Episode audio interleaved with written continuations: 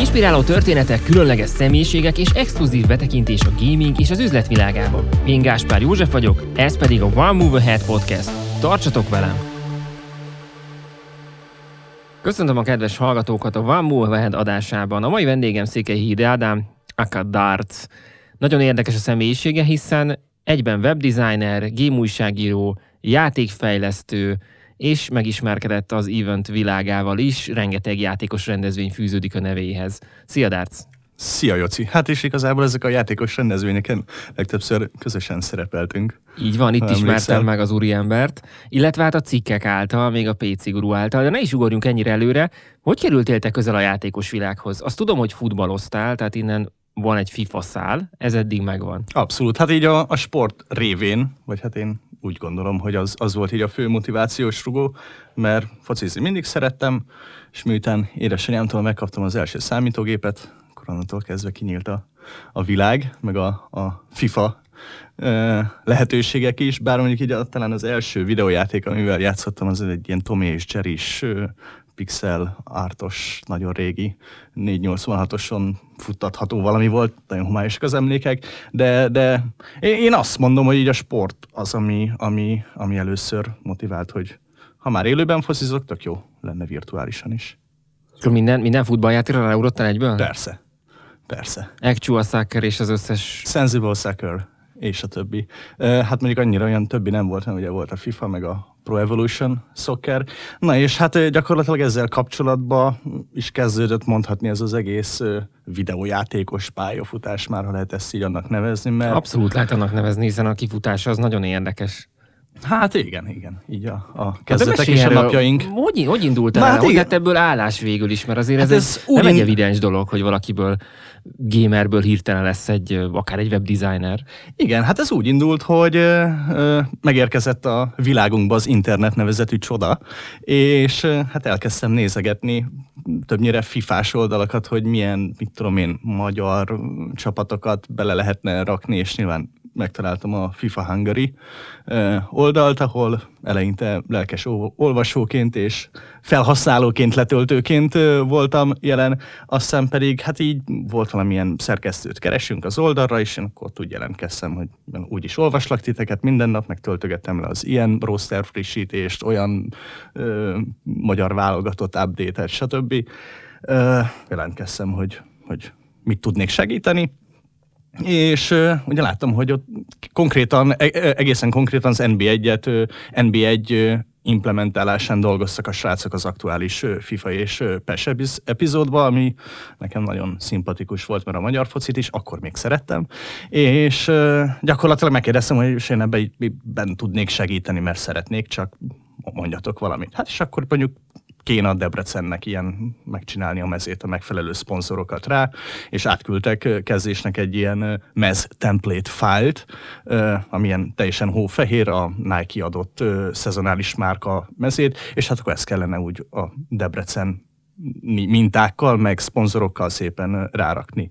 Na de hogy? Hát a mm, képszerkesztő programmal. A Paint, hát az annál valami komolyabb, de javasolták a Photoshop nevű csodát. Én meg szépen felmentem az internetre, letöltöttem, elkezdtem kattingatni benne, és így elkezdtem megismerni a, a, a programot, hogy hogyan fogom tudni én ezeket a, a logókat rárakni a mezre, és hát a többi már történelem. Elkészült az első mezem, nem lett a legjobb, de aztán kaptam még egy-két ilyen léjerezési tippet, trükköt, hogyan állítsam az opacity hogy a, a, a meznek a, a gyűrődései, a, a rálakott logóképpel együtt meglátszanak, és akkor így ez szépen így fejlődött, egyre több trükköt tanultam meg, aztán a Youtube-on is elkezdtek egyre jobban elterjedni ezek a, a how-to videók, és akkor így gyakorlatilag autodidakta módon megtanultam photoshopozni. És mennyi időt szántál rá akkor a, a fiatalkorodból, hogy ilyenekkel foglalkozz?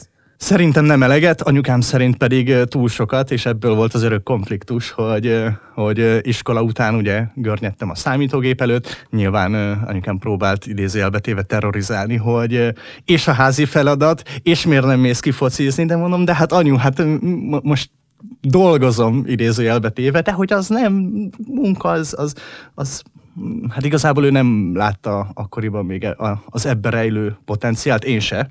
Ezt abszolút hobbiból csináltam, mert mindig így a játékoknál is így szerettem, mit tudom én, megnézni a fájrendszerét, ott mit lehet hogyan átírni, hogyan lehet mondjuk kicserélni a, a csében a, a lövés hangunkat. Szerencsére abban még ugye WAV-ba voltak, úgyhogy mit tudom én, a kis mikrofonommal felputtyogtam mm, hangokat, és akkor azt átcseréltem a játékba, és amikor az AK-val lőttél, akkor nem a lövés hang, hanem puty, puty, puty, puty, puty, és így ilyenekkel ütöttem el a, a napjaimat.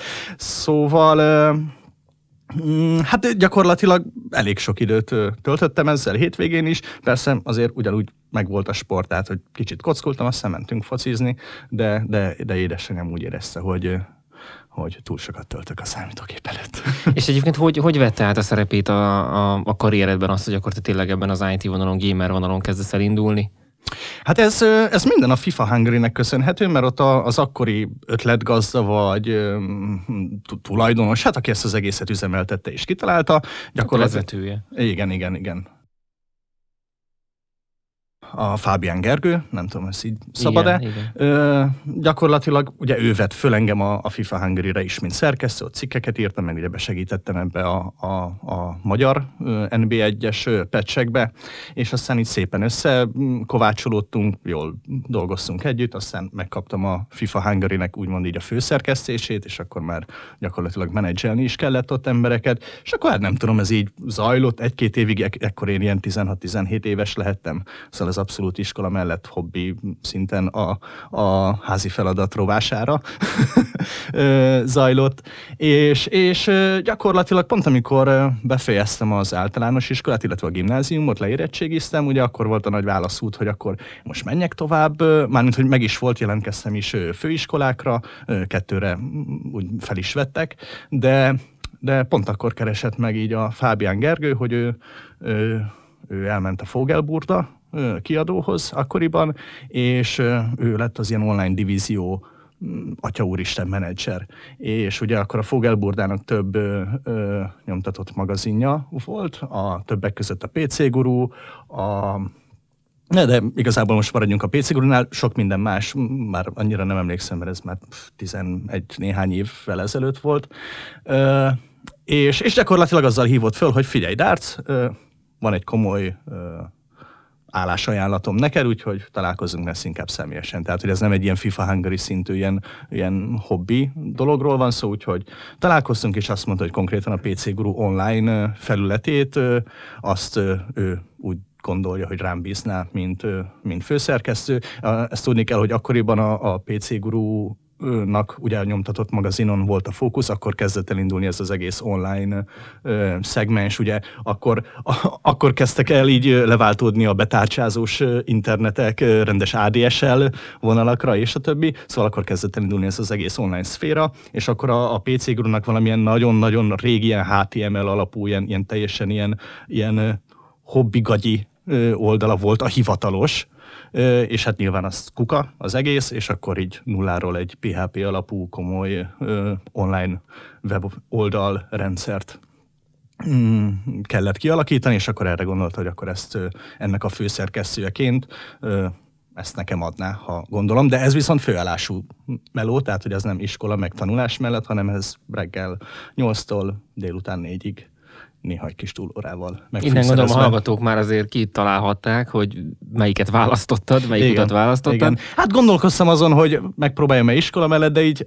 gyakorlatilag átgondoltam, hogy tulajdonképpen azért mennék el ö, tovább tanulni, hogy majd valamilyen munkám legyen és ezért úgy döntöttem, hogy meg ismerősök is, vagy hát barátaim, hogy ott panaszkodtak, hogy jaj, de hogy, hogy egy csomó olyan tantárgyat kell tanulni, ami igazából marhára nem érdeklik az adott témával kapcsolatban, és ami hát miatt jelentkeztek. Ritkán jön a lehetőség, ritkán kopogtat be az ember ajtaján egy ilyen horderi lehetőség, tehát teljesen érthető, hogy a játékok felé fordultál, és később majd ugye fényderítünk arra is, hogy, hogy tulajdonképpen ez a mindennapi kenyered is, hogy így fogalmazva, és az érdekes része ennek az, hogy ahogy mondtad is, egy olyan online platformot kellett felépítened, ami akkor nem igazán volt összehasonlítható, nem igazán volt Nem példa volt összehasonlítási előtte. alap. Igen, hogy, hogy kezdtél ennek neki, vagy milyen, minek a mentén építetted fel? Alapvetően a logika mentén, mert jó, azért külföldön már, már voltak ö, mm, hasonszörű komoly oldalak, nyilván azokat ö, mm, akkor is bújjogattam a magam akkor még nem túl ö, profi angol nyelvtudásával, na nem mintha ma az lenne, de azért már ö, Fejlettebb. Ne, fejlettebb, nem okoz gondot. Ugye a FIFA? A A fi- tanít meg? hát igen, meg a, a FIFA-ban a, a másokkal való kommunikáció. Hát van olyan igen játék a közben chat. egyébként, ott rá vagy, rá vagy kényszerítve, hogyha az ellenfélnek be akarsz szólni, hogy figyelj, Akkor most igen. fogom felvarni a filóba. És akkor és azért azt, angolul. stílszerűen már jó, jó nyelvhelyességgel, hogy még se ég be annyira. Ö, Nem elég az, hogy look at my friend. Azt te szoktad. Na, szóval az online felület. Hát mm, nyilván megnéztem külföldi mintákat, és elképzeltem egy olyan rendszert, ami alapján ezt az egészet össze lehet hozni. Kezdve az, hogy mondjuk mm, az én alapom az volt, hogy legyen egy játék adatlap, ami, amin az adott játéknak a, a megjelenési dátum, a kiadó, fejlesztő, ezek az alapinformációk szerepelnek, és minden más ahhoz csatlakozzon. A hírek, az esetleges trélerek, videók, letöltések, cikkek, bármi. Tehát, hogy az, az legyen a, a kereső kiindulási alapja, és minden e köré épüljön. És akkor ilyen, ilyen strukturális gondolkodásokat ott ö, ö, végrehajtottunk, meg ötleteltünk nyilván a, a Fábián Gergővel is rengeteget, kaptunk ö, PHP programozót velük is, designert velük is, és gyakorlatilag így együtt ö, én is így besegítettem mindig ide-oda a magam kis nyers logikájával. Néha a PHP kódba is beleütöttem egy-két változót, meg a, mit tudom én, egy-két ikont én rajzoltam akkoriban, meg a, a, a PGO-nál, a, mit tudom én, a játék infónál a, a letöltés gombot, az például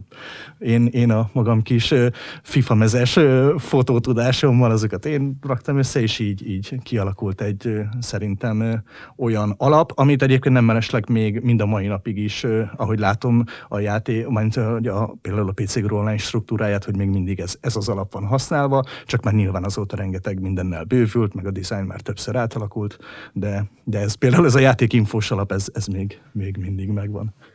És amikor a, a print tulajdonképpen elindult, ugye a PC Guru elindult, akkor ez, egy, ez, ez teljesen kiegészítő termékként volt mellett az online, hogyha jól értem. Hát amikor én is. oda kerültem, akkor már régen volt PC Guru, tehát hogy én akkor már az iskolapadba ezer éve olvastam. Inkább a... úgy értem, hogy ugye a PC Guru-nak a fő terméke az a print volt, és te, Így van, így te van. egy relatíve nehéz szituációban voltál. Kívülállóként voltam kezelve, hogy így át az online hagyjuk. Na igen, erre vagyok kíváncsi, hogy ez, ez, ez hogy zajlott a PC Gurunál, hogy zajlott a, a te esetedben is, igazából hogy élted meg ezt, hogy az online miként nyert teret? Voltak csaták, mert hát ugye én akkor tudom én, 21-2 éves kis ö, ö, fiatal titánként oda becsöppentem. Kvázi az én kis ö, i- ikonjaim, vagy hát nyilván fiatalabb koromban az iskolapadban, ott nyolcadikban olvastam a PC gurut, és olvastam mondjuk Sasának, meg, meg Retnek a cikkeit, és akkor hirtelen én meg így oda kerültem, hogy sziasztok, akkor én vagyok az online főszerkesztő, tudod, és ez a na ne hülyéskedj. Mármint, hogy jó, nem így, de, de hogy nyilván fricskáknak voltam kitéve, ők amúgy is ilyen ö, ö, kis hóbortos ö, figurák, mind a mai napig, akkor meg még pláne azok voltak, úgyhogy men, men, mentek a, a jó indulatú, de, de erős fricskák, meg, meg oltogatások, meg poénkodások. Abszolút a szeretet mesén, de, de hát ott, ott azért ö, volt, volt, volt szép adok-kapok, de inkább kapok. É, és, és hát igen, na, de a komolyra fordítva a szót, tehát hogy azért az, az elég nehéz volt elérni, hogy mondjuk ö, olyan tartalmakat én ö, tudjak, fel tudjak használni online, ami ugye printbe készül, mert minden tartalom az idáig printbe készült, és online így nem volt tartalomgenerálás. És elvileg ugye az lett volna, hogy vegyünk föl cikkírókat, és akkor így a kvázi a napi híreket ö, ilyen, ilyen híradószerűen ugye hozzuk le, hogy az manapság már ez általános, tehát minden oldalon felmész, és már van hat cikk aznapra, hogy a Blizzard most éppen kitrugott ki, vagy, vagy éppen milyen trailer jelent meg a játékhoz, stb. Na mindegy, ez akkor kezdődött el, és én pont, hogy ennél egy kicsit többet akartam, hogy most ne csak ezek a kvázi napi hírek ö, látszódjanak, amiket másik oldalról is ugyanúgy el tudsz olvasni, hanem valami olyan egyedi tartalom, ami miatt, na megnézem a, a PC Guru online, mert, mert ott szokott ilyen, meg ilyen lenni. Mondjuk egy, interjú, egy mm, exkluzív ö, teszt, ami mondjuk így a játék megjelenése napján ö, már a, a, a PGO-n is olvasható, attól a cikkírótól, akit amúgy a, az emberek megismernek és olvasnak, és mondhatni rajonganak a személyükért, meg a, a ö, írásstílusokért. És ez hogy jött össze? Tehát egy külön szerkesztőséget kaptál magad mellé? Igen, hát azért ez elsősorban, én, nekem volt benne irodám a Fogelburdánál, vagy hát asztalom, de, de azért ez, ez eh, simán működött home office-ból, mert ugye nekem toborozni kellett cikkírókat, toborozni kellett letöltők, hát, hát gyakorlatilag azt, amit én a FIFA Hungary-nél csináltam, ugye menedzselni kellett embereket, hogy akkor ki milyen napi rutinba, meddig ügyel mondhatni a, a, az online felületen, és figyeli a, napi híreket, hogy azokat lehozza. Ugye ezeket az embereket meg kellett keresni, felkészíteni az online felület kezelésére, az admin betanítani, és hát nyilván őket így kordában tartani, meg hogy ne lustulják el a És mikor kezdtek el komolyan venni? Tehát azért, ahogy mondod, ez egy, ez egy komoly tartalommarketinget Igen. igényelt, és egy, egy bizonyos ponton, hogyha most követem a, az évek múlását, akkor az online nemzetközi fronton is, meg magyar fronton is kezdett a hirdetők célpontjává válni. Hát akkoriban azért még nem.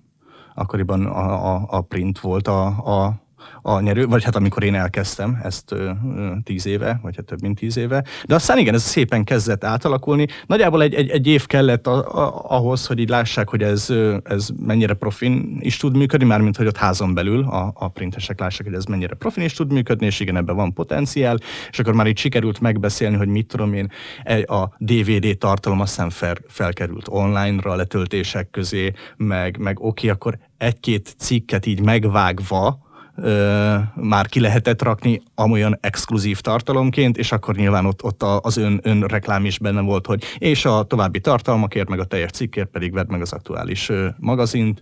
Ö, ez ilyen amolyan magazin promóként is szolgált, de nekem tök jó volt ö, exkluzív tartalmaként. Meg hát én magam próbáltam írni, mert, mert hogy úgy lehetett kirakni mondjuk játékteszeket, hogy oké, okay, azt te írod, nem, a, nem az, ami a magazinba szerepel, hanem azt old meg, haver és hát én, én jó magam is így próbáltam így exkluzív tartalmat generálni, meg a, a, a, a többiekkel is próbáltam ilyen, ilyen dolgokat lebizniszelni. Mik voltak, mik voltak a, a mérföldkövek számodra? ezen az úton? Például mondjuk az első olyan hirdetés, ami, amit így a, a hú, talán a Sony-val volt egy ilyen teljes oldalas, oldalbanneres, ez a Launch Centernek neveztük, a, a God of War 3 kapcsán, ami, aminél konkrétan olyan megállapodás volt, hogy teljesen gyakorlatilag God of War-ba borult az egész PGO, konkrétan egy külön aloldalt is kapott, ahol napi kimondottan God of War-os exkluzív tartalmak kerültek föl, mint az játék első 10 perce, első benyomások, tippek, trükkök, videóteszt, rendes teszt, hol találod meg hd a sisakját, és a többi ilyesmi, ilyesmi tartalmak, ami amiért ö, egész komoly kis összeg folyt be a, a PGO, mármint hogy az online felület okán. Én, én talán ezt, ezt tartanám egy, egy ilyesfajta mérföldkőnek. És mikor váltottál, akkor, akkor hol állt meg az az online, vagy hol volt tartott akkor? Akkor már azért így a napi nézőszám az, az, az abszolút akkor akkoriban piacvezető volt, vagy hát így legalábbis fejfel mellett haladtunk a, a konkurenciával, és hát itt állt meg, hogy, hogy Magyarország egyik, hanem a legolvasottabb videójátékos magazinja volt a PGO. Ott volt fórum is, vagy, a, vagy voltak közönség találkozók? Mert tudjuk, hogy a, hogy a gamestar volt ez a tábor, a PC Gurun azt tudom, hogy te, te azért elég sok rendezvényt szerveztél. Hát nem én szerveztem, max részt vettem, vagy segítettem a szervezésben. Igen, közvetve részt vettél akkor benne. Igen, hát aztán guru tábor is volt, bár azt is inkább elsősorban így a, a printes közösségnek szervezik, de nyilván a kettő azért egy, egyre jobban kezdett összefolyni, és már a printbe is kezdtek online tartalmak, vagy online ihletésű cikkek és tartalmak bekerülni, és fordítva is egyre jobban kezdett ez, ez így egyé válni. És ez kicsit furcsa is volt, hogy eleinte így van a print, meg van az online, és így ez kb. így tök különböző volt, de így az évek során ez, ez így összemosódott, és, és, és igen, hát ott nyilván egy, egy közösség kialakult a fórumon, ahol még drága Night Bagoly kollégánk vasszigorral próbálta ezt egy kulturális mesdjében tartani, hogy ne, ne a trollkodásról szóljanak a, a fórum topikok, hanem az érdemi beszélgetésről egymással. És, és igen, szépen épült a közösség, ami egy idő után már, már tényleg ilyen több ezer főse dúzzadt. És az általában visszajáró arcok voltak, igen, akik vezették? Igen, igen, igen. Igen, abszolút. Hogy vezetett egyébként tovább innen a karrierat? Jól emlékszem, akkor az 576 kilobájtnál is megfordultál igen, igen. még. Hát én ilyen, ilyen jó barátságot kötöttem uh, sasáékkal, és hát ők ugye uh, hát el, el új vizekre elvesztek, mondjuk így, és, és hát gyakorlatilag én egy ilyen fél év, azt hiszem fél évre rá mm, követtem őket, és, és ott a, az 576-nak így az online ján mm, akkor, akkor azt hiszem már a, a Gret volt igen a, a főszerkesztő, én csak ilyen mm, kis szánsegédje voltam ö, mellékállásban, mert hogy ö, akkor tájt ö, váltott hallottam is ebből a, a, az újságírásból. Hát azért ezt tudni kell, hogy ez öt év után ö, történt, öt év ö, ö, PC Guru online nozás után, és, ö, és akkor ö, Hát ez alatt az öt év alatt egész komoly kis ö, grafikus, meg ö, videószerkesztő, meg, meg ilyen minden, mindenféle ö, ilyen is ehhez hasonló programokat kezelő tudást szedtem magamra. És... Hát meg nem mellesleg cikkeket írtál játékokról. Igen, igen. Hát ezt azért nem nevezném azért ilyen újságírásnak, cikkírás. Na jó, de hát akkor végül is egy ilyen Jolly Joker voltál, akit mindenhol be lehetett ja, ja, kicsit, igen. Ez, egy, ez, a, ez egy fontos érték. Mindenhez értett, úgy, úgy ö, ö, olyan közepes szinten. Hogyha jó napjai voltak, akkor, akkor kicsit jobban is annál, de, de ja, ja, ilyen, kicsit ilyen, ilyen ezermester ö, ö, és ez mind-mind a, a, a fiatal korod alatt ilyen autodidakta módon Aha. szedted fel a tudást? Igen, igen, igen. Egyszer elmentem egy ilyen ö, OK és ö, ö, grafikus képzésre alkalmazott grafikus, ö, volt a szakneve, de, de ott, ott elég hamar abba hagytam, mert mm, gyakorlatilag untam, hogy arról tanuljuk, hogy igen, akkor, hogyha az egyik layer egymásról fölé húzod, és jobb klikkel be tudod hozni a layer options, és akkor ott tudsz állítani dolgokat, és ez a igen, azt hittem, hogy itt valami komolyabb dolog lesz. Bár mondjuk kézzel, kézirajzolt, tusolás, árnyékolást is kellett ott csinálni, ami érdekes volt.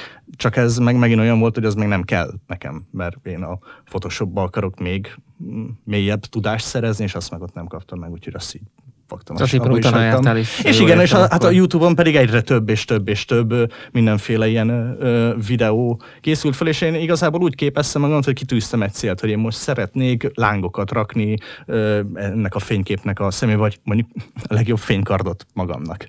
És így direkt így befotóztam magamat, hogy fogok egy partfistnyelet, és akkor a cél az, hogy ez nézzen ki marha jól, mint hogyha ez tényleg egy Star Wars shot lenne. És akkor beírtam Google-ba, hogy Photoshop Lightsaber effekt. És akkor ott szépen végigmutatja, hogy milyen léjereket hogyan kell pakolni, hogyan kell ö, megblőrözni, milyen, milyen ö, layer option kell beállítani hozzá, és ami alatt eljutottam a végéig, rengeteg minden mást is megtudtam, hogy ho, ho, hogy ilyet is lehet itt. Á, ez jó, ezt majd használom majd majd máskor, máshoz, de hogy jó tudni, hogy ilyet is tud a Photoshop, és gyakorlatilag így, így tágítottam a tudásomat, vagy a tudástáram.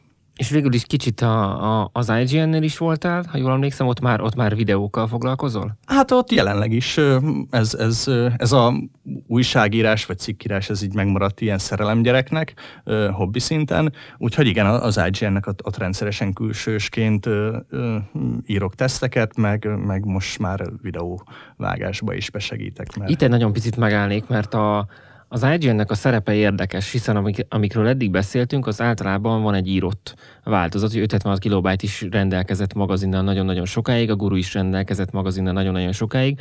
Az IGN viszont egy nemzetközi brand, ami tulajdonképpen franchise-ként került Magyarországra, ez nemzetközileg nem is tudom, hogy lehet. Hát magyar viszonylatban talán úgy lehetne mondani, hogy ez a ez a játékvilág index.hu-ja körülbelül, de nagyon-nagyon sokan nézik, és nem csak kizárólag játékokra van specializálva, hanem a szórakoztató Igen, ez inkább ilyen, ilyen szórakoztató ipar. Tehát a, a filmek, jó könyvek, akár előzetesek, bármi, nagyon-nagyon sok dolog megtalálható, és így került át Magyarországra, és itt dolgozik jelen pillanatban is még Ádám. Erről mesél nekem, légy szíves, hogy ennek milyen hatása volt egyébként a játékiparra, hogy beérkezett egy ilyen nagy szereplő, másrésztről meg te hogy éled meg azt, hogy kvázi most már videótartalmakat kell vágnod, hogy, hogy a, a, a gamer kultúra hogyan követi ezt az egészet? Hát nem kell vágnom, én akarom csinálni, mert szeretem csinálni. Ez nekem egy, egy abszolút jó kikapcsolódás, hobbi.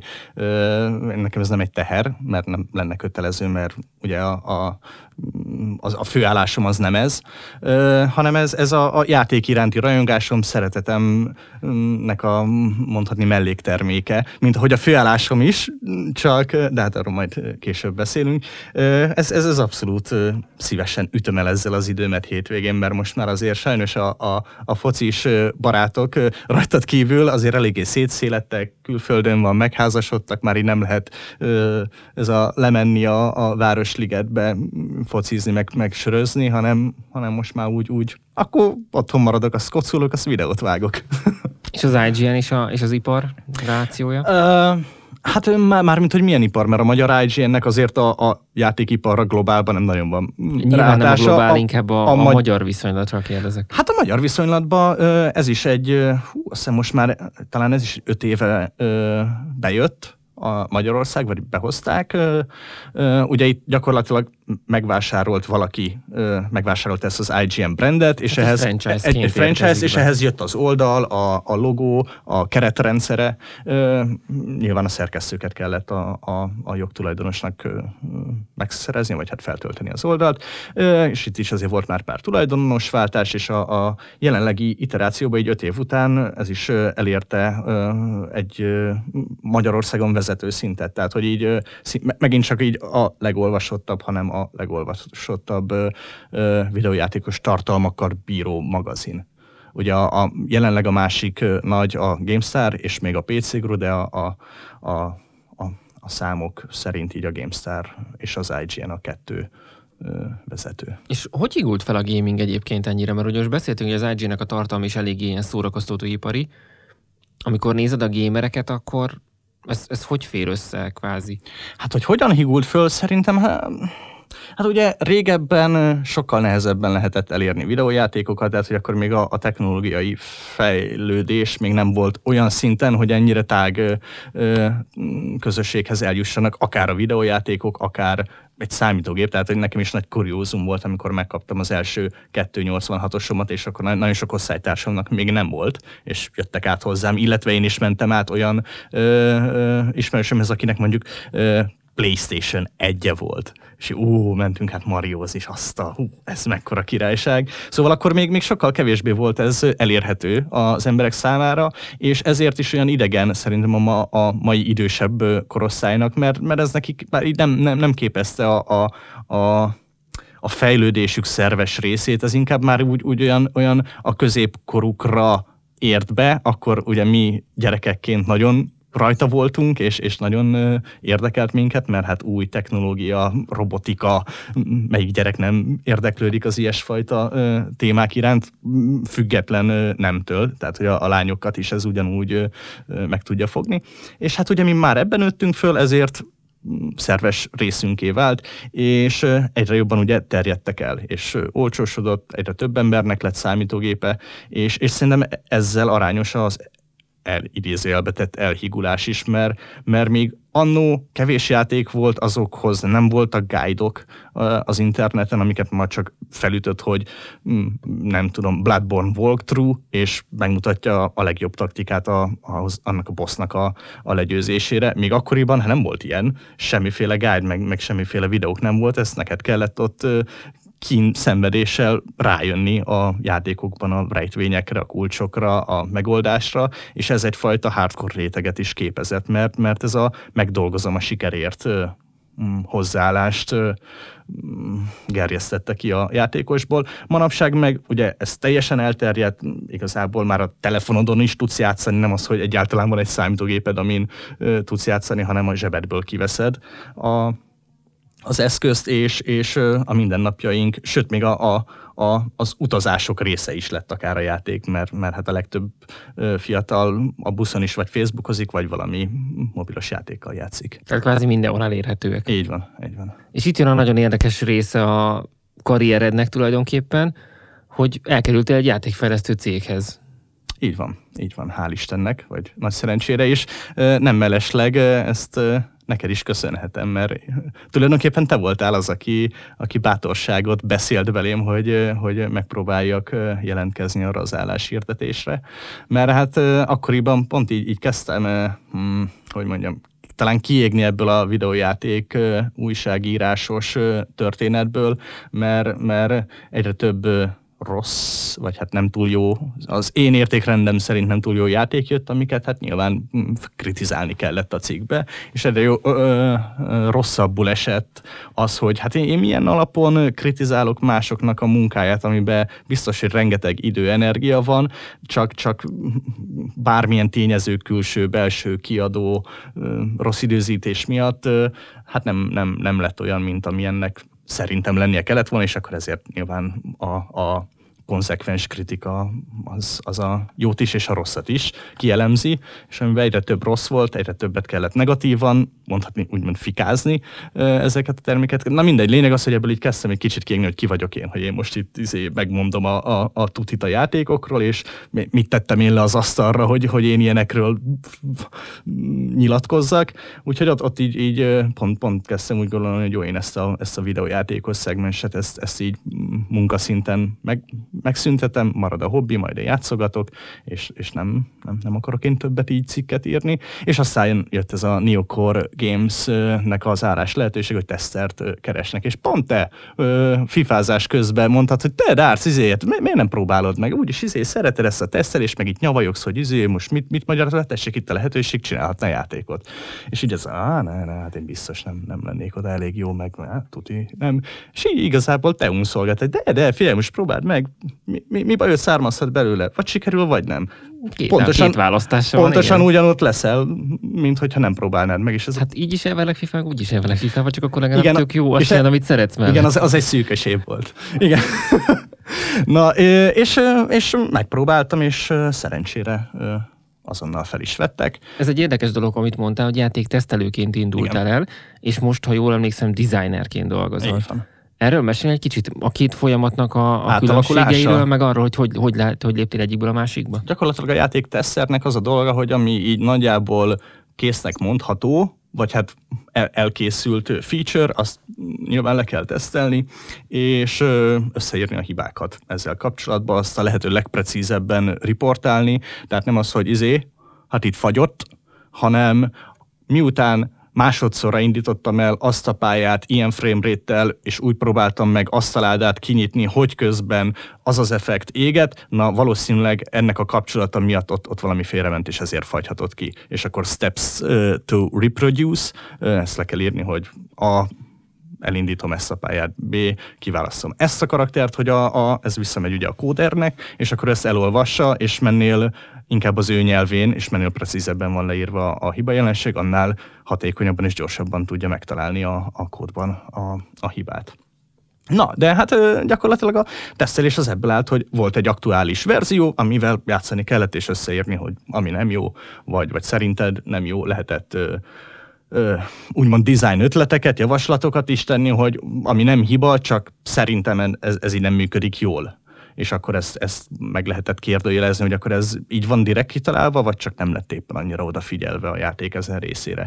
És én abban a szerencsés helyzetben voltam, hogy akkor kerültem a Neokorhoz, amikor az első, az Incredible Adventure of Fun Helsing első részét portolták Xbox platformra, és azt tudni kell, a stúdió eddig csak PC-s, echte PC-s játékokat csinált, mint a, a Crusaders, az meg ráadásul RTS is volt, meg a, a King Arthur két része, az is RTS, és ebből a vonulatból ugrottak át az Action RPG-re. Ez egy ilyen Diablo szerű játék. És és minden, a főnökség is ilyen tőzsgyökeres PC-s, tehát hogy ez a, a, a az ember platformja a PC, és a, a konzol azt meg van, hagyjuk. Ez egy, ez egy nagy vita mindig. Igen. Ez nagy vita. Na mindegy, a, a főnöksége között. így áll viccesen, mármint hogy azért ironikusan is, de azért így félig meddig komolyan is gondolják. Úgyhogy én meg uh, akkoriban már, régen én is azért hardcore PC-s voltam, de elkényelmesedtem így az évek során, és azért így, így a kanapéból hátradőlve, lábadat felrakva, a chipset uh, majszolva játszani mégis a kényelmesebb, mint ott görnyed. Na mindegy, a lényeg az, hogy mm, ekkor én már nagyon-nagyon a konzolba voltam belebújva, és nagyon kapóra jött nekik egy, egy ilyen konzolban igencsak járatos embernek az érkezése, főleg amikor életükben először próbálnak megportolni egy játékot a konzolra, ami egy zárt rendszer, komoly követelményrendszerrel, tehát van egy, egy több száz pontos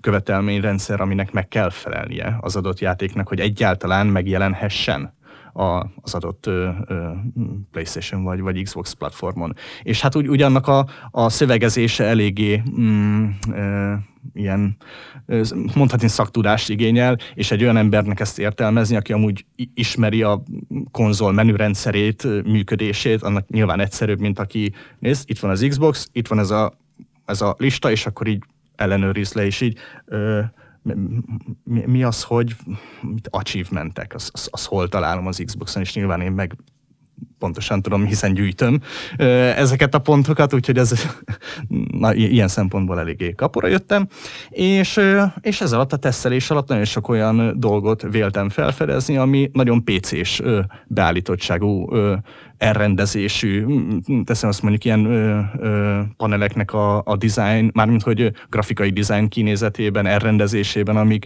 ö, mert ami egérrel, billentyűzettel jól működik, az kontrollerrel már nem biztos, hogy az, az úgy ideális. És eközben a, a tesztelés közben én mindig így tettem ilyen javaslatokat, meg ugye a grafikus múltamnak köszönhetően csináltam látványterveket, hogy én ezt mondjuk így, így csinálnám, mert szerintem ez így konzolosabb lesz. És akkor eleinte így mindig ezt elküldtem, nem tudom, elküldtem a, a főnökömnek, hogy hát egyébként így, így megnézed? Csináltam egy ilyet, és így jó, jó, jó, jó, mindegy. És így egyre, egyre többször kezdtek ezek a, a, az átküldött ötleteim megvalósulni, és nyilván azt az a, a főnök akkor kiadta a, a, az akkori, vagy a ottani éppen ö, rangidős grafikusnak, ő megcsinálta, és bekerült a játékba, én pedig tökre örültem, hogy ah, na, valamit már hozzá tudtam tenni így a játékhoz. És egyre több ilyen ö, volt, és ö, és hát úgy, úgy gondolom, hogy a főnökség észrevette ebbe a potenciált, meg rációt, hogy én ezt, ezt, ezeket mind ilyen túlórában a munkaidőn kívül még egy kicsit bemaradtam, és akkor én még ott csináltam egy-két ilyen látványtervet, hogy ilyen, hogy lenne ez jobb.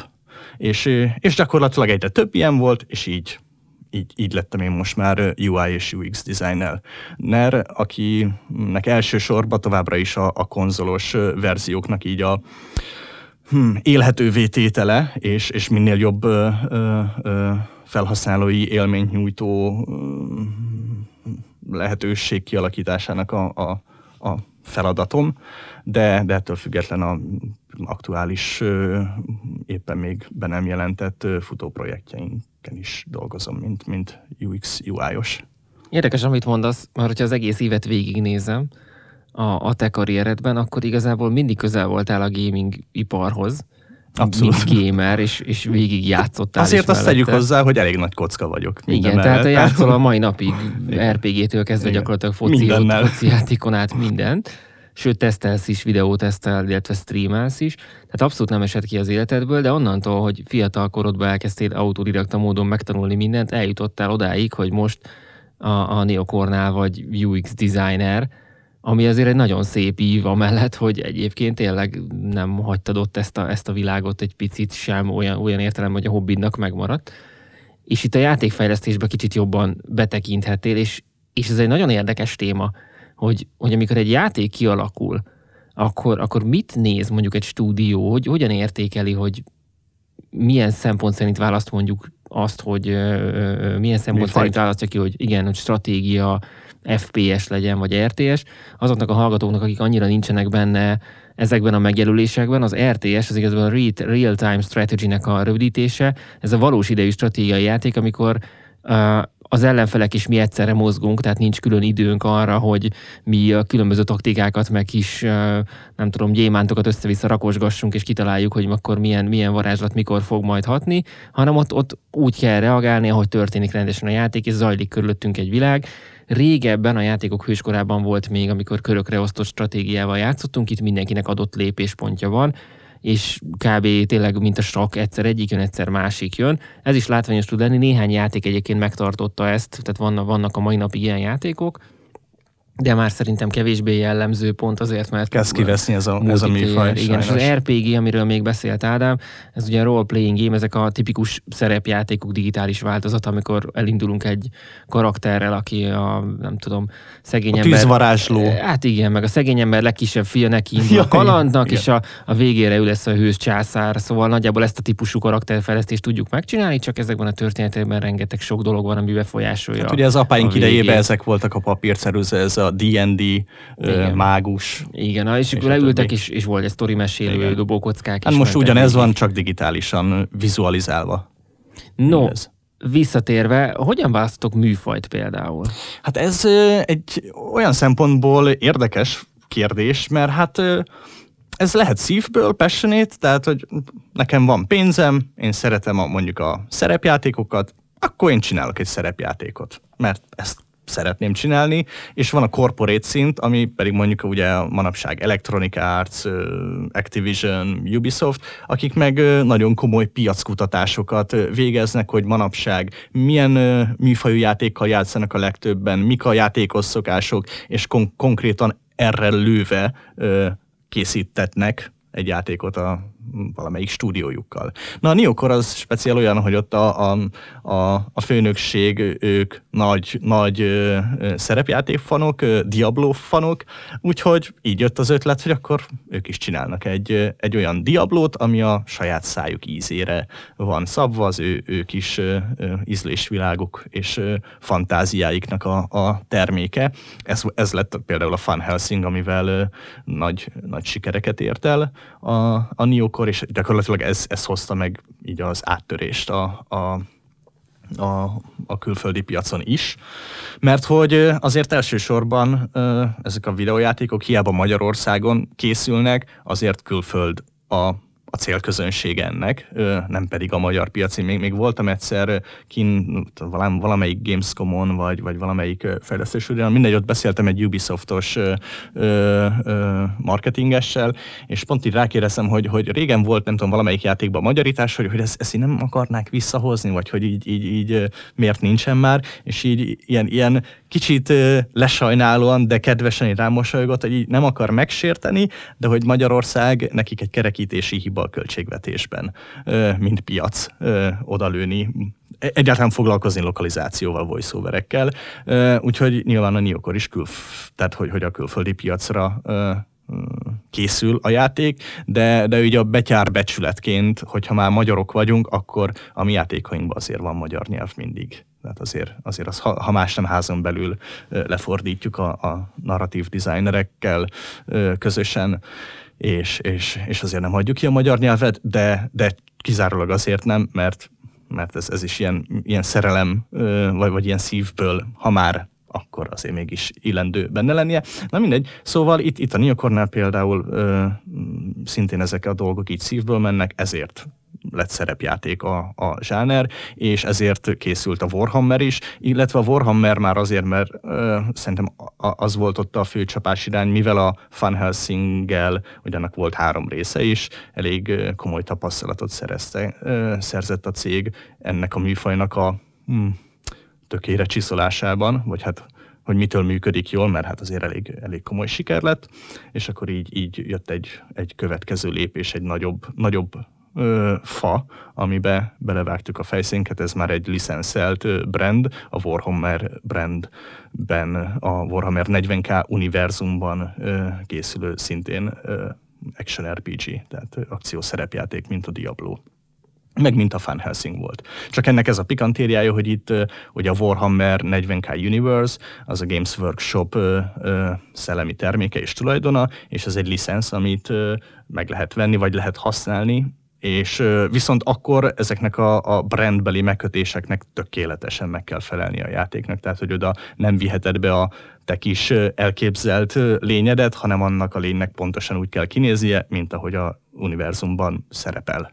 És ez nagyon sok például ilyen mm, elbírálási körön megy át, hogy mondjuk így mi elkészítjük a, a modellt megtextúrázva, akkor azt elküldjük a, a Games Workshopnak, aki ugye a Warhammer brand, ők ezt leellenőrzik, és hogyha úgy ítélik meg, hogy igen, ez megfelel, akkor azt mondják, hogy oké, okay, ha nem, akkor pedig egy mm, részletes értekezésben megmondják, hogy mit és hogyan. És ez minden elemével a játéknak minden így meg kell csinálni. Igen. ez eléggé hosszas folyamat. Igen, eléggé az. Visszatérve a műfaj változásra, vagy a műfaj választásra, érdekes, amit mondasz, mert, mert óriási sikerek vannak ezen az úton is, hogy emberek úgy vágnak bele, hogy igazából ők szeretnének valamit, amit megcsinálnak a digitális térbe, és ilyen a Minecraft is például, hogy egy emberke digitálisan akart legózni, megírta ezt a programot, és még mielőtt igazából felúcsúdott volna, már egy, már egy világsiker volt. Igen, gyakorlatilag még mielőtt egy grafikus ö, ö, motort fejlesztett volna alá, már világsiker lett. Így van. Úgyhogy jó, a ez Minecraft is. egyébként, Igen. aki most hallja ezt a címet először, egy nagyon-nagyon egyszerű játék, ami tényleg pixel egyszerűségű, tehát és, és a grafika sem a, a, a legjobb, de az egész arról szól, hogy, hogy szinte bármit meg lehet benne építeni, ö, alapelemekből, tehát a, a föld, nem tudom, ö, vas, különböző dolgok, ilyen, ilyen ö, igen, ez, ez a játék, ami tipikusan Nyersanyagok a... beszerzésével, tényleg, de még egy, de volt, aki még számológépet is épített benne. Igen, meg, a mechanikájával hódít, hogy annyi minden, tehát Igen. hogy tényleg gyakorlatilag a, a fantázia szab határt, hogy mit alkotsz meg benne. És, és nem is igazán az van, hogy tehát úgy találkozunk másokkal, hogy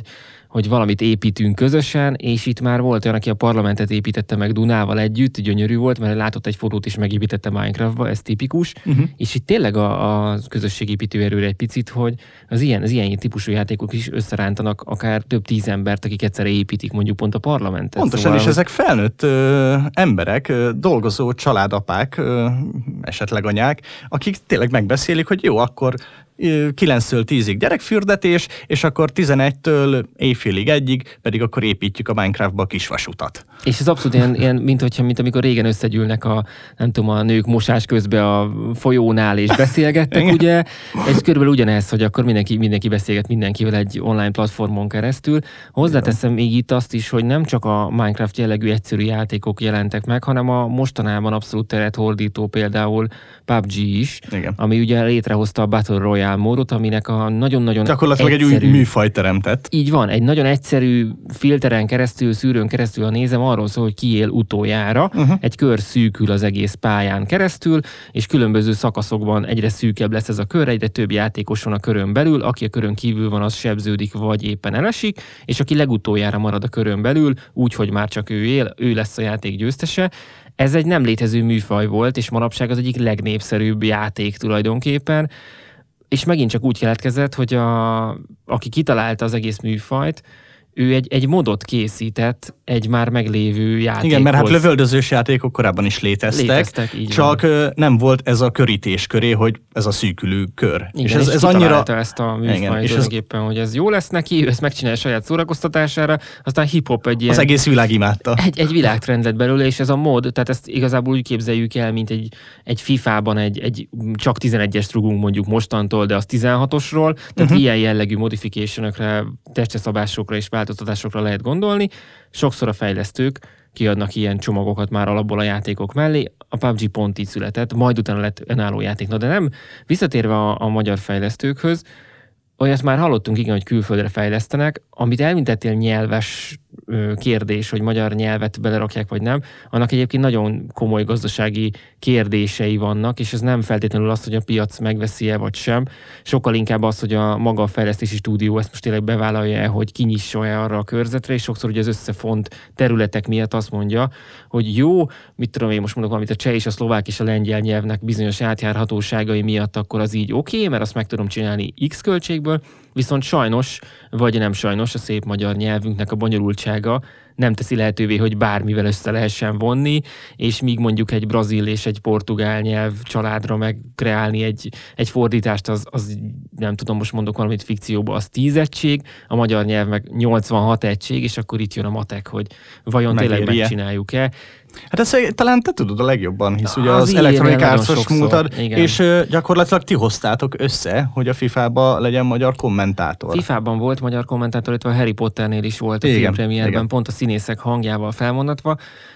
Igazából ezek, ezek olyan dolgok, amik későbbi stratégiai elemek, tehát hiába adsz el, mondjuk lehet abból picit kevesebbet, de hogyha Harry Potter, mint franchise egyébként úgy nő például, akkor simán lehet, hogy a játékosok ezt így keresik, ez egy szép gesztus, közelebb állnak a céghez, nyitottabbak a, a többi termékre. Szóval vannak olyan elemek ebben, ami, ami picit túlmutat. Hozzáteszem, és itt, itt ezt a nyelves kérdést ezt el is engedném, hogy ez egy eléggé komplex dolog, amikor valaki a fordítással foglalkozik, tehát ne úgy gondoljuk el, hogy 8-10 ember, aki tud magyarul, az leül és így megszüli ezt az egész fordítást, hanem ennek nagyon komoly formai követelményei vannak, meg van adva egy adott ö, text méret, mennyiség, hogy ott hogy fér ki, nem lehet a, a mondatokat csak úgy bőlére engedni. és ez egy, Karakterlimit, ugye? Karakter, ez, ez egy szakma, és emlékszem, amikor az Electronic Arts-nál ezzel foglalkoztak, a kihelyezett spanyol stúdióban volt egyébként egy fordító iroda, aki ezzel foglalkozott külön IE termékeknél. Ez egy nagyon ö, hosszú folyamat is volt ráadásul, és, és tényleg minőségi terméket adtak ki a kezükből, és itt még a magyar nyelvnek azt is hozzá kell tenni a nehézségei közé, hogy a, a szavak jelentése sokszor ugye átfed. Mint, mint például a zebra nálunk ugye több mindent jelent. És nagyon sokszor vannak olyan dolgok, amikor nem mindegy, hogy hogy fogalmazod meg majd a történet kedvéért. Hát nem nálunk mindegy, hogy azért hogy a- helyezkedsz egy, egy, A ragozás. a ragozás az, Az- meg, az a, az nagyon meg a másik erős. rész, ami nagyon nehéz, és van, mikor ilyen random elemek jönnek be. No, de ezt, ezt, ezt is el, el is engedném. Van ebben abszolút ráció, aki ezzel foglalkozik, sőt, egyébként azt muszáj itt, itt megegyeznem, pont a FIFA Hungary kapcsán jutott eszembe, hogy vannak olyan gamer körök, akik lefordítják az adott játékokat. Konkrétan a magyarítások.hu ö, Igen. egy kis reklámot nekik, mert megérdemlik. Ők is abszolút autodidakta mód a szabad idejüket feláldozva, hobbiból lefordítják bizonyos játékoknak a, a szövegfájlait, amiből ezt ki tudják nyerni. És sokszor egyébként a, a, a fejlesztők is támogatják őket valamennyire. Hát és nagyon sokszor innen kerülnek ki például lokalizátorok ez, ezekből a közegekből, mint főállású fordító. Szóval abszolút egy, ez is egy karrier például, ami a gamerhez, gaminghez kapcsolódik, hogy mindössze a hobbit szerint fordítasz játékokat, és emlékszem még régen a, a Championship Manager vagy Football Managernek a, a textfájait fordítgattuk, hogy, Bizony. hogy olyanok legyenek a nevek, meg olyanok legyenek a kiírások, meg a játékbeírások, hogy, hogy ott értsük, hogy a, milyen képességei vannak a hátvédnek, vagy a csatárnak, vagy hogy ki milyen poszton játszik. És gondolj bele, ez is mennyire készségfejlesztő, mert a gyerek fiatalon elkezd játszani, már az önmagában a videójátékok azért eléggé ö, fejlesztik a logikai készséget, a térben való gondolkozást, a, a mm, gyakorlatilag, hogy hogyan találják fel magukat bizonyos szituációkba gyorsan, a reakció időt, és Ez nem a mellesleg probléma megoldás. probléma megoldás, így van, és nem mellesleg a nyelvtudást. Hát azt, azt meg aztán rettenetesen, már hogyha még nem is tud az ember feltétlen angolul, ugye hallja a játékokban a megfelelő nyelvtani helyességű szófordulatokat, mondat szerkezeteket, és azok mennél többet játszik, hogy ezek így ivódnak be a tudatalattiba, és majd amikor mondjuk arra nyelvvizsgára kerül a sor, e- e- ezek így, így nagyon-nagyon hasznos elemei, mint például egy olyannak, aki soha életében nem mm, vagy nézett angolul filmeket, és, és úgy kell megtanulnia ezeket. vissza a játékfejlesztés és magyar játékfejlesztésre. Tehát a műfaj az megvan. Hogy álltok neki a, a fejlesztésnek? Hogy méritek fel azt, hogy oké, okay, akkor ez, ez tuti menni fog-e a piacon, ezt tuti szeretni fogják-e? Ez egy jó kérdés. Erre nekem azért olyan nagy rálátásom nincs, mert én igazából, ugye, mint UI, UX tervező vagy, vagy designer, én már tulajdonképpen egy megadott mm, helyzethez tervezek megfelelő kezelőfelületet, mozgás mm, mechanizmust, kontrollerrel. Akkor átfogalmazom, amikor a te munkafázisodba kerül ez az egész, például mondjuk egy kezelőfelületet tervezel, ott mit veszel figyelembe? A konkurenciát nézed meg, vagy, vagy egy touch and feel nézel, vagy fórumokon olvasol utána? Hát a touch and feel, én, ezt, ezt helyezném a legfontosabb. Tehát, én azért hiszek abba, hogy most persze vannak jól bejáratott mechanizmusok, de az els, első és legfontosabb a touch and feel, hogy, hogy az, az úgy működjön, olyan legyen, a, a, ami nem, nem tesz kérdőjeleket a, a kezelésbe. Tehát, hogy, hogy magától értetődő, amit csinálni akarsz, azt a, intuícióval megnyomnál valamilyen gombot, az úgy az történjen a, a kijelzőn. Meg persze hát rengeteg játéknak a rengeteg ö, megoldása. Na, hát például ezért elég hasznos így a videójátékos múlt, hogy hát elég sok játékot láttam már, elég sok megoldással találkoztam, és ezek, ezek a tapasztalatok nagyon jól jönnek, amikor ki kell alakítani mondjuk egy körökre osztott stratégiai játéknak a, a, a kezelését kontrollerre, ami például ekte, egér orientált. És volt egy nagyon érdekes topik, amiről még beszéltünk pont, míg akkor érkeztünk a stúdióba, ez pedig a, a mai világ egyik komoly témája, ez a lootbox mechanizmus, hmm. ami ugye tulajdonképpen a mikrotranszakciókat hivatott megtestesíteni a játékokon belül. Azon tranzakciókat soroljuk ide, amik igazából a játék költségén felül a játék játékban még megtalálhatóak, és effektíve a játékban lévő virtuális pénzt kell megvásárolni igazi pénzért, majd azt a játékban különböző elemekre el tudjuk költeni. Jó esetben ezzel nem ö, teljesítményt nyerünk, tehát nem, nem erősebbek leszünk, hanem jobban néz ki a karakterünk, vannak olyan mozdulatai, ami másoknak nincs, tehát a megkülönböztetést teszi igazából. A külcsint. Igen, a külcsint. És ha jól tudom, te terveztél egy ilyen rendszert?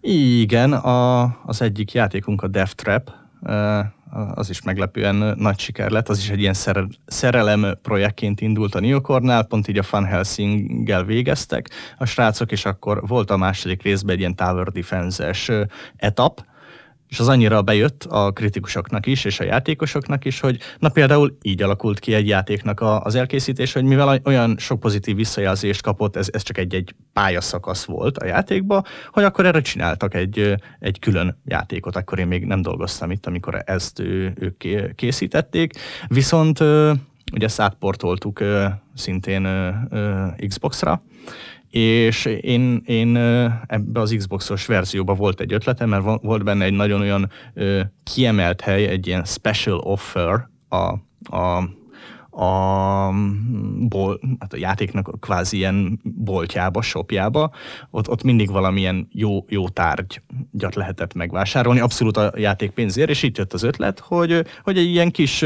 ízléses mikrotranszakciós rendszert akár be lehetne vezetni, mert ez manapság mennyire szokás, divat, működhet is, nem túl drágán, és eh, hát eh, mondhatni zöld utat kapott az ötletem, és talán ez volt az első ilyen, ilyen komolyabb önálló projektem a, a cégnél, hogy akkor azt mondták, hogy jó, vázoltam nekik nyilván design terveket, ötletet, mechanizmus, miért jó, miért nem jó, előnyök, hátrányok, és azt mondták, hogy jó, akkor csináld meg. Azért ez egy rizikós terep, mert sokszor szokták mondani, hogy ez nem biztos, hogy jó irányba viszi mondjuk igen, a fiatalokat, igen. vagy hogy hogy hat rájuk.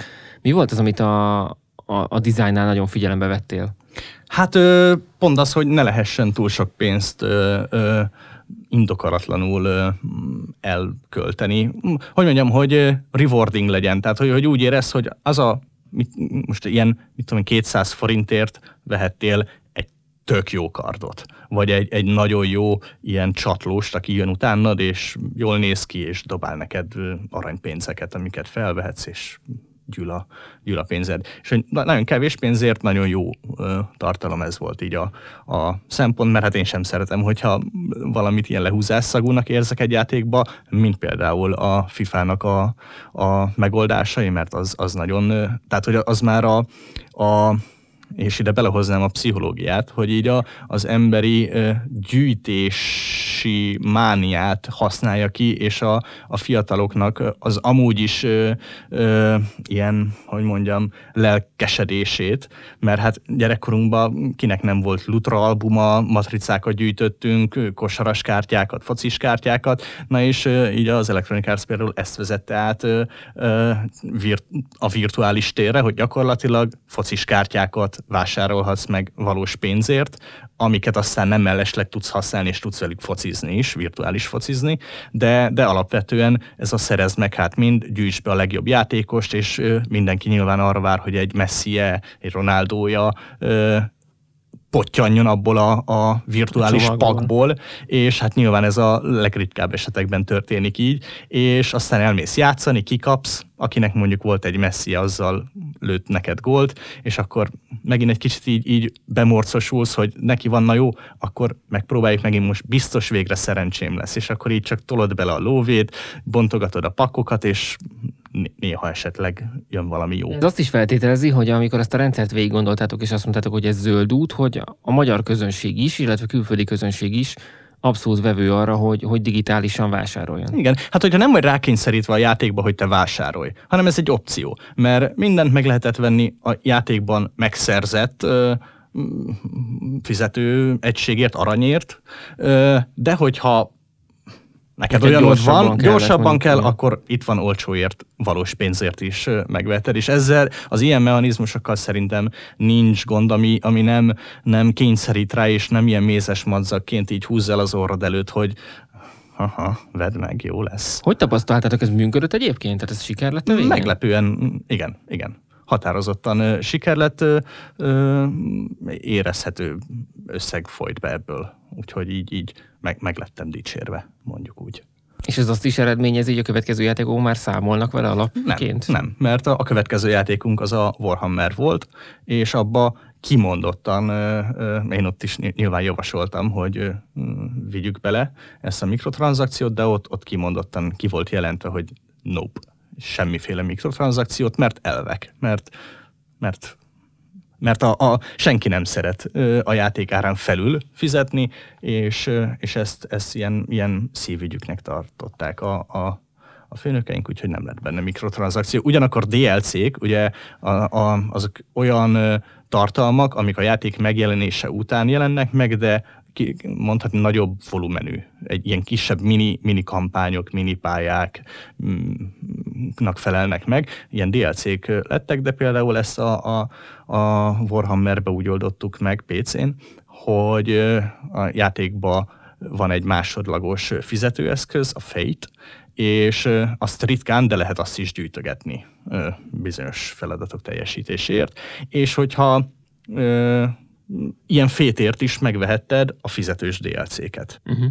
Ö, viszont mikrotranszakció nem volt benne, hanem pont, hogy egy olyan könnyebbség, hogy amit amúgy is ö, alapvetően csak ö, valós pénzért ö, ö, szokás árulni, a kiegészítők, kiegészítő lemezek, DLC-k, azokat mi megengedtük, hogy ha annyit grindoltál, sokat játszottál vele, szereztél 800 fétet, akkor a játékban megszerzett Hát ha bizonyítottad, hogy tényleg ennyire érdekel a világ, akkor tulajdonképpen megadtad a... igen, igen, ez egy ilyen reward. Amikor a, amikor a játék is kikerül a piacra, erre valószínűleg kevesebb a rálátásod abból a szempontból, hogy hogy a UX-nál, hogyha minden jól megy, akkor már hátradőlve a kávét kortyolgatva figyeled. Tehát amikor kikerül a visszajelzéseket. ez, ez idáig szeretném visszavezetni, igen, hogy, hogy milyen platformokon kerül ilyenkor publikálásra, tehát online-ba, vagy pressben, vagy melyik a leghatékonyabb módja, hogy a játékot bemutassátok a nagy közönségnek?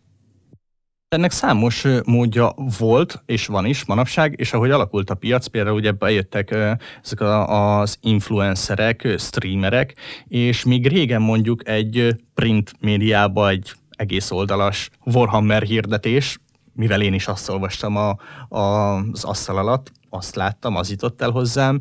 Ö, m- Míg akkoriban az volt a szerintem a legműködőbb.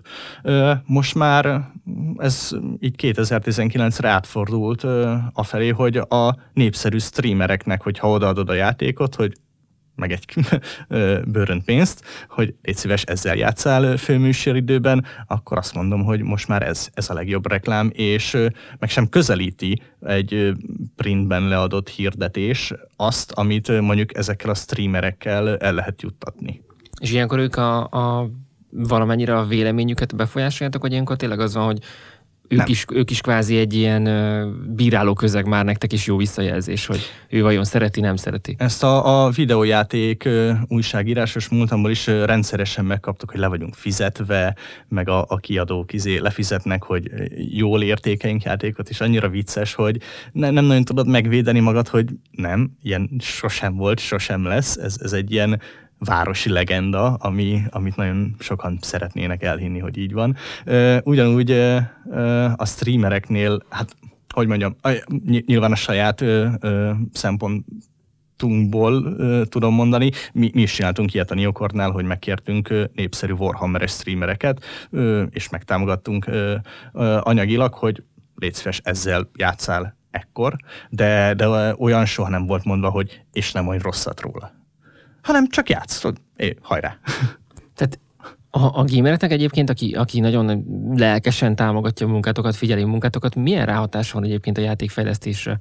Hát ez megint szerintem kiadója válogatja, vagy hát fejlesztő stúdiója Mondjuk válogatja. Nálatok, mi, mi nagyon figyeljük a fórumot, meg, meg minden olyan platformot, Discordot, Redditet, ahol, ahol vélemények és javaslatok jöhetnek be, és, és ezeket rendre olvassuk, megnézzük, és kivizsgáljuk, mert legtöbbször sajnos azért elég bagosan tudnak megjelenni ezek a játékok, és legtöbbször ugye hibát riportolnak, hogy ők itt és itt találtak problémát, itt nekik kifagyott, és ezek nagyon hasznos segítségek, mert ezeket megnézzük, felhasználjuk, sőt, rengeteg például nagy vállalat ilyen lelkes riportoló embert nek felajánl munkalehetőséget, hogy ha már így belejöttél, haver, akkor ezt gyere ki hozzánk Ez Stockholmban, és, és akkor ezt, ezt e, ilyen fizetésért folytasd nálunk. Ilyenek, ilyenek. És volt már, hogy hozzatok is így érkezett egy kollega, hogy láttátok, hogy annyira ambiciózus mondjuk, hogy Hát így ö, konkrétan nem, de, de ö, például olyan többször volt, hogy annyira ö, nagy segítség volt, hogy akkor kapott egy gyűjtői kiadást, kiküldtünk neki, mert olyan, olyan lelkesen ö, ö, riportolt. Ilyenek, akkor... ilyenek simán lehetnek, vagy ő kapott kulcsot a következő DLC-hez, mert köszi a segítséget. Mondjuk ezek a, ezek a gamer oldalról nagyon-nagyon szép gesztusok. És az érdekesség az, hogy ez mennyire nem idézőjelben nem kerül semmibe a kiadónak, mint egy DLC kulcs, és mégis mekkora szép gesztus a gamernek, akire figyeltek. Hát ha, ha végigveszem azokat, amiket végigmentünk témák, akkor valahol azt érzem, hogy a, hogy a tartalom az, ami most a legértekesebb, hogyha a játékban tudsz valami, akár a játékfejlesztésben tudsz valami olyat hozzátenni, ami az egyediséget is ö, felvázolja, de ugyanakkor praktikus, és, és ráadásul játékosok által visszajelzett gondolatokat, tartalmat, változási kéréseket figyelembe veszed, azokat, azokat berakod, akkor ez még értékesebbé tud válni. Illetve, hogyha most Nincs benne kapsiság minden igen. mellett. Hát, hogy ezt meg lehet csinálni egy szép úton, igen. igen, igen. Vissza viszont a, a print és a digitálnak a hatására, amit ugye picit elemezgettünk, itt, itt ugye mondtad, hogy abszolút a digitál térnyerése, az, azt végigélted a PC Online-nál is, ami a mai napig abból táplálkozik gyakorlatilag, amit ott, ott leraktatok, fogalmazzunk így, azt a struktúrát vitték tovább, és hát most már ugye az online az elsődleges platform szinte mindenhol, ezt látjuk, sőt a hirdetési pénzek. Javíts ki a tévedek, hogy a hirdetési pénzek javarészt most már mindig az online felől érkeznek. Ezt mindenki mondja, hogy a print hanyatlik egyébként, de valahogy tehát a Gamester is 20 éves lett. Igen. A PC is iszonyatosan régen a piacon van. Itt nem akarok már években most tippelgetni, mert nincsen pontos szám a fejemben, de tudom, hogy ez a két lap elég sokáig azért élen volt, és, és mai napig ott van, mai napig van fogyasztótábora. Én, én úgy hiszem, hogy ezek azért már, tehát hogy itt ilyen 1000, 2000, 3000 ö, ö,